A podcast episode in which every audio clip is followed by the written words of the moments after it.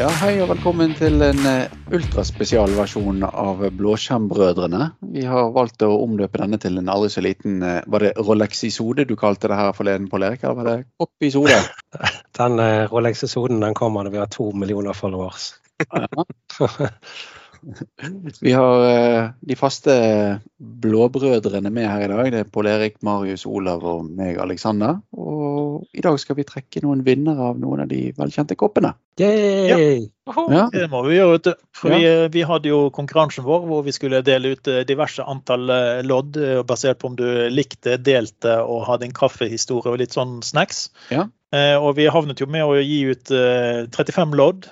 Eh, noen fikk flere, noen fikk mindre. Eh, men vi eh, har i hvert fall nå 35 lodd som skal være med i trek trekningen. Eh, og vi kan jo også si det at vi gikk over til 516 følgere, så vi nådde 512 og passerte den relativt greit ganske så fort. ja. Mm. Vi får ta det som sånn error correction bits. Ja, og vi har jo sett eh, resultatet av, eh, av kommentarene har jo strekt seg til stakkarer som eh, kjente seg igjen i vår kaffeverden hvor vi har dårlig, dårlig kaffe på jobben, eh, fram til eh, noen da som sitter med et monster av en kaffemaskin og en ansvarlig for å sørge for at man har kvalitetskaffe. Så vi ser det er mange gode kaffehistorier der ute og går. Ja, jeg syns absolutt det, det veier godt opp at noen tar HMS på ansvar og sørger for at kaffen er av fornuftig kvalitet. Altså.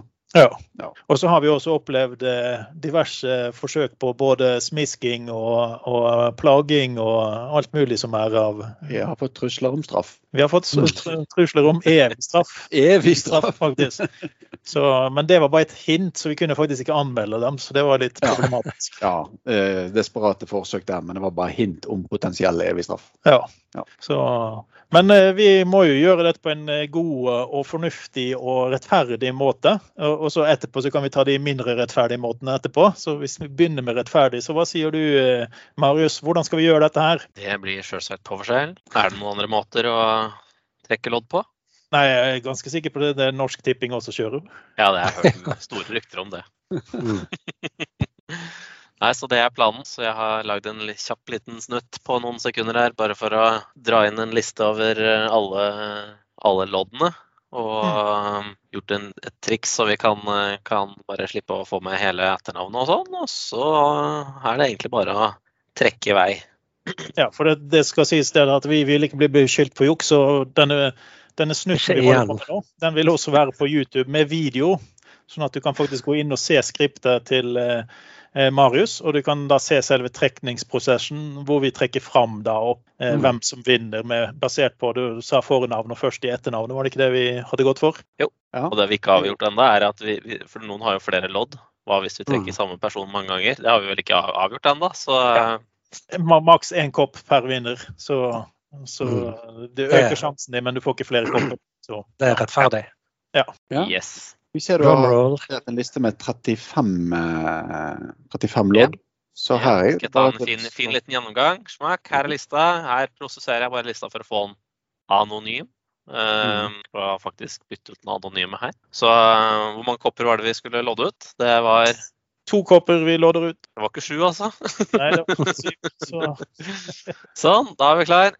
Da kjører vi den her. Get random, count to. Og der ser vi at vi fikk Lasse W og Øyvind B som eh, vinnere. Og vi så jo også grunnen til at de vant. Det var da Facebook-like og Facebook-kommentar. mm. Yeah. Ingen LinkedIn denne gangen. Er det rigget? Det er nesten helt klart rigget.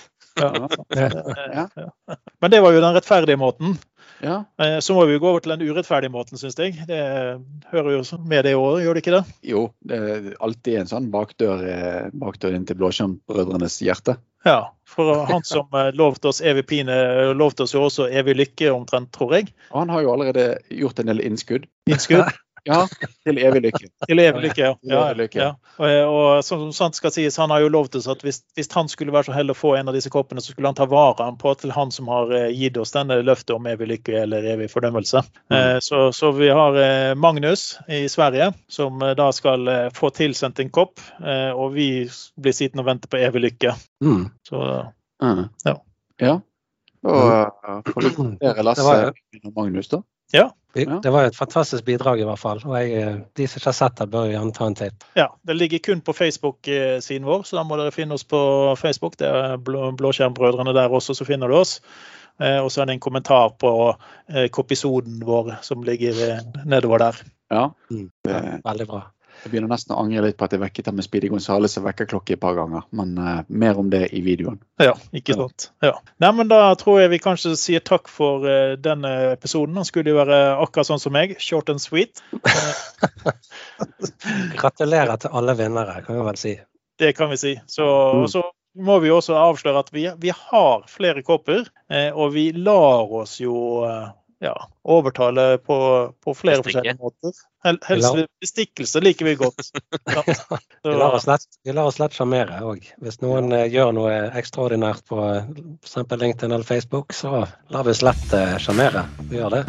helt klart. Ja. Da sier vi takk for denne gangen. Takk for nå. Ha det bra, alle sammen.